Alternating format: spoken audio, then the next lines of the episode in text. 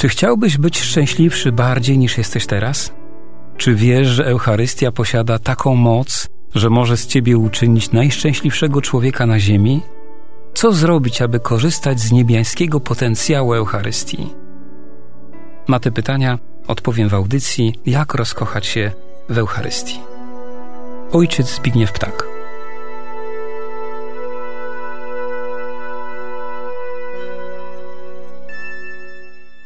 Każde nasze spotkanie rozpoczynamy od wspólnej modlitwy.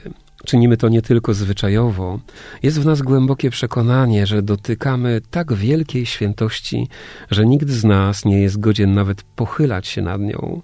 Nie ma w nas właściwego usposobienia serca, aby przypatrywać się świętości nad świętościami, a cóż dopiero karmić się nią. Wiemy jednak, że Stwórca, który jest jednocześnie naszym oblubieńcem, pragnie dawać nam siebie ponad naszą miarę. On jest spragniony naszej obecności i naszej miłości, dlatego mamy tak łatwy przystęp do Niego. Im więcej będzie w nas miłości, tym więcej zrozumiemy sercem to, co dzieje się na ołtarzu. Modlitwa, którą za chwilę wypowiemy ustami i sercem, posiada takie właściwości, że może odrobinę przysposobić nasze serca i umysły do słuchania i poznawania naszego Boga, który obecny jest w przenajświętszym sakramencie. Módlmy się więc. Wszechmogący Boże, ofiarujemy Ci krew Jezusa Chrystusa, krew wszystkich męczenników, cnoty Jezusa, Maryi i wszystkich świętych, w połączeniu ze wszystkimi mszami świętymi do tej pory sprawowanymi i tymi, które do końca dziejów będą sprawowane w intencji naszej żarliwej miłości do Eucharystii, w intencji naszego głodu Eucharystii, w intencji naszego zadziwienia się Eucharystią. Amen. Na początek tego spotkania błogosławię wszystkich w imię Ojca i Syna i Ducha Świętego. Amen. Najpierw małe przypomnienie i powtórzenie. Ponieważ nasze spotkania odbywają się w tygodniu zaledwie raz i z pewnością między audycjami dużo ważnych spraw się dzieje, przypomnijmy najważniejsze treści z ostatniego spotkania. Mówiliśmy wówczas o pieśni na wejście. Śpiew na wejście powinniśmy wykonywać całym sercem, ze wszystkich sił. Czynić to mamy dlatego, że uczestniczymy w liturgii niebiańskiej. Jeśli teraz, na samym początku, zaangażujemy się maksymalnie, wówczas łatwiej będzie nam zaangażować się w kolejne części mszy świętej, również całym sercem. Warto też pamiętać o wewnętrznej postawie. Tu, przy śpiewie, na rozpoczęcie liturgii, przywołujemy w sercu Jezusowe śpiewy podczas Jego ziemskiego życia. Z pewnością było ich niemało, gdyż Jezus uczestniczył w liturgii synagogalnej, a ta charakteryzowała się częstym śpiewem psalmów i hymnów. Jeśli duchowo połączymy nasz śpiew na początku liturgii ze śpiewem Chrystusa, wówczas nabiera on mocy nadprzyrodzonej. To Jezus w nas śpiewa. I nasz śpiew przez Stwórcę traktowany jest w taki sposób, jakby to sam Jezus śpiewał. Niepozorna jest ta duchowa praktyka, posiada jednak ogromną siłę jakościową. Dzięki niej wchodzimy niejako na wyższy poziom wykonywanych czynności liturgicznych. Pocałunek ołtarza. Dzisiejsze nasze spotkanie poświęcimy kolejnemu elementowi obrzędów wstępnych mszy świętej. Powiemy dziś o pocałunku ołtarza. Najpierw nauczanie Kościoła. Kościół uczy, że kiedy kapłan podchodzi do ołtarza, kłania się ołtarzowi i oddaje mu cześć przez pocałunek. Celebrans w ten sposób oddaje cześć Jezusowi, gdyż ołtarz jest znakiem Jego obecności. Ołtarz to nie tylko miejsce składania ofiary. Kościół mówi, że Chrystus stał się ołtarzem, a zatem ołtarz to również sam Chrystus. Trochę historii. Pocałunek ołtarza znany był już w kulturach pogańskich. Chrześcijaństwo jednak dało mu nowy i głębszy sens. Poganie całowali ołtarze, na których składali ofiary swoim bogom. Całowali również drzwi, progi, świątyń i wizerunki bóstw. Żydzi mają zwyczaj całowania zawieszonej na zewnętrznej prawej framudze drzwi, tak zwanej mezuzy. W niej znajduje się zwitek pergaminu z dwoma fragmentami Tory, z najważniejszym dla nich tekstem Słuchaj Izraelu. Pocałunek wszedł do liturgii rzymskiej najprawdopodobniej w IV wieku. Jednak pierwsze opisane w źródłach pocałunki zanotowano w VII wieku. Najpierw mowa jest o jednym pocałunku, a w następnych wiekach o kolejnych. Po Soborze Trydenckim aż do e, naszych czasów, czyli Soboru Watykańskiego II, w liturgii było aż dziesięć pocałunków. A teraz troszkę rozwinięcia. Od kilkunastu lat jeżdżę po parafiach, głosząc Słowo Boże na temat mszy świętej. Niemalże w każdej parafii, do której przybywam po raz pierwszy, zadaję wiernym takie proste pytanie. Od czego rozpoczyna się msza święta? Co najmniej 95% wszystkich odpowiedzi to stwierdzenie, że msza święta rozpoczyna się od znaku krzyża. Wierni zwykle tak myślą dlatego, że znakiem krzyża rozpoczyna się każda nasza prywatna modlitwa i każde nabożeństwo w kościele.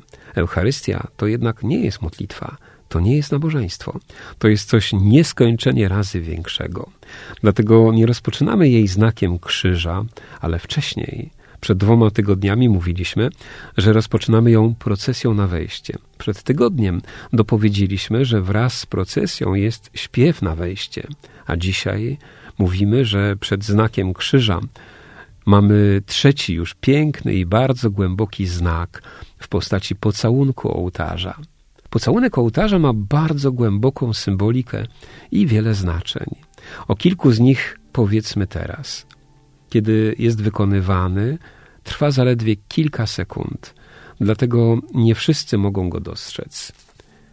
Kiedy kapłan go wykonuje, to oczywiście całując ołtarz, całuje Jezusa, którego ten ołtarz przedstawia. Każdy z nas doskonale wie, że pocałunek jest wyrazem miłości. Kiedy całujemy osobę, to wyrażamy wobec niej bliskość. Pocałunek jest intymnym okazywaniem miłości wobec drugiej osoby. Doświadczamy tego powielokroć.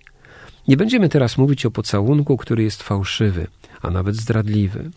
Proszę zauważyć, że liturgia mszy świętej rozpoczyna się pocałunkiem i kończy się pocałunkiem. I te dwa pocałunki tworzą jakby klamrę spinającą całą Eucharystię. Kościół przez te dwa pocałunki każdemu z nas jakby mówi: Zobacz, we mszy świętej chodzi tylko o miłość, bo przecież pocałunek jest wyrazem miłości. I tylko wówczas, gdy w miłosny sposób będziemy uczestniczyć w liturgii, coś z niej zrozumiemy i coś z niej wniesiemy w naszą codzienność. Dlatego Pan Bóg nie chce, abyśmy przychodzili na Najświętszą ofiarę z tego powodu, że jest niedziela, albo dlatego, że jest takie przykazanie, a może dlatego, że tak nas nauczono. My mamy przychodzić na boską liturgię dlatego, że tu na ołtarzu jest szczyt miłości. A co to znaczy szczyt miłości? To znaczy, że podczas świętej liturgii Pan Bóg daje nam taką miłość, w takim stopniu, jakiej to miłości żaden człowiek, nawet ten najbardziej w nas rozkochany, nie ma możliwości nam dać. To nie znaczy, że on nie chce nam dać miłości. On nie posiada takiej miłości, jaką daje nam tu, w świątyni, nasz Stwórca. Człowiek daje nam zawsze ludzką miłość, a ona jest skażona grzechem pierworodnym. Skutki są takie, że kochamy drugą osobę ze względu na coś. Jest w tej naszej niedoskonałej miłości jakaś nutka egoizmu. Najczystsza z ziemskich miłości jest miłość matki do dziecka. Taką właśnie najczystszą miłość wobec człowieka posiada Pan Bóg. Tylko, że ta jego miłość jest nieskończenie razy głębsza niż miłość najbardziej rozkochanej matki w swoim dziecku.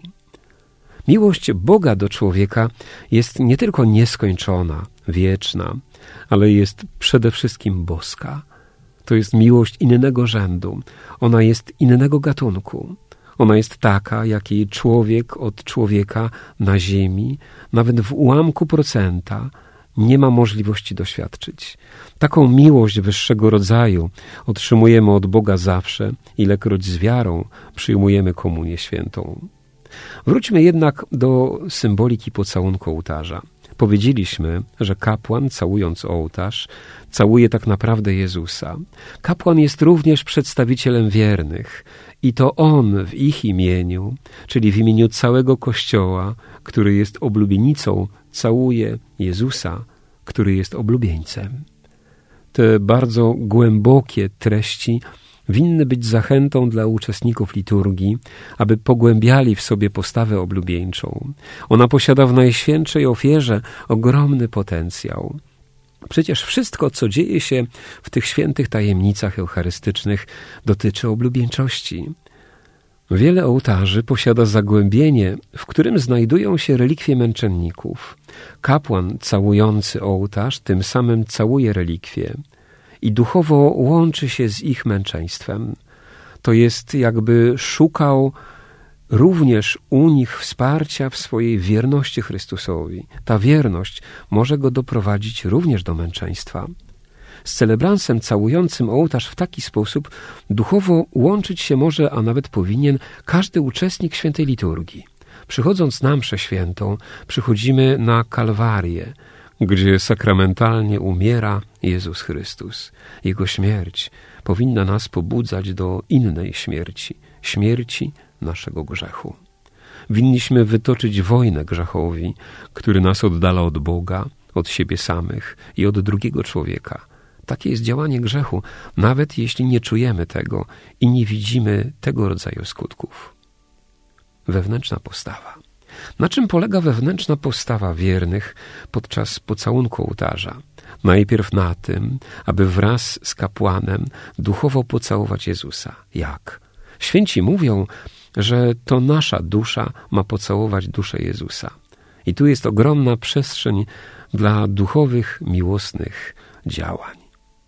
A druga sprawa to ta, o której mówiliśmy przy okazji śpiewu na wejście przed tygodniem. Jezus wielu osobom okazywał czułość przez pocałunek.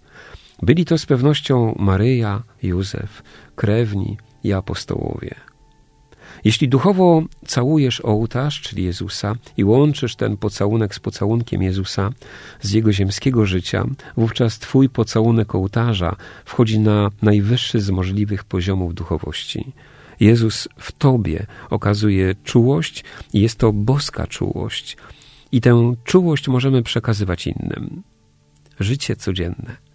Wiemy o tym doskonale, że Eucharystia jest sprawowana również po to, aby zmienić nasze życie, upodobnić je do Jezusowego. Wiemy również, że jest to proces długofalowy, a zmiany mogą dokonywać się niemal niezauważalnie. Jednym z najistotniejszych terenów naszej pracy, oczywiście wraz z łaską Bożą, jest nasza relacja wobec bliźnich. I tu pocałunek może być kluczowy. Im głębiej wejdziemy w to, co jest treścią pocałunku liturgicznego, tym większe szanse, że ten liturgiczny pocałunek wpłynie na nasze więzi z bliskimi. W jaki sposób może to nastąpić?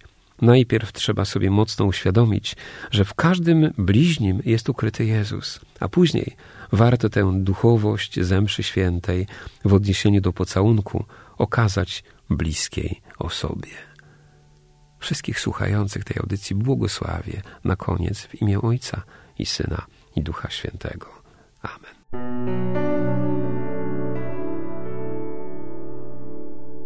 Czy chciałbyś być szczęśliwszy bardziej niż jesteś teraz? Czy wiesz, że Eucharystia posiada taką moc, że może z ciebie uczynić najszczęśliwszego człowieka na ziemi? Co zrobić, aby korzystać z niebiańskiego potencjału Eucharystii? Na te pytania odpowiem w audycji Jak rozkochać się w Eucharystii. Ojciec Zbigniew Ptak.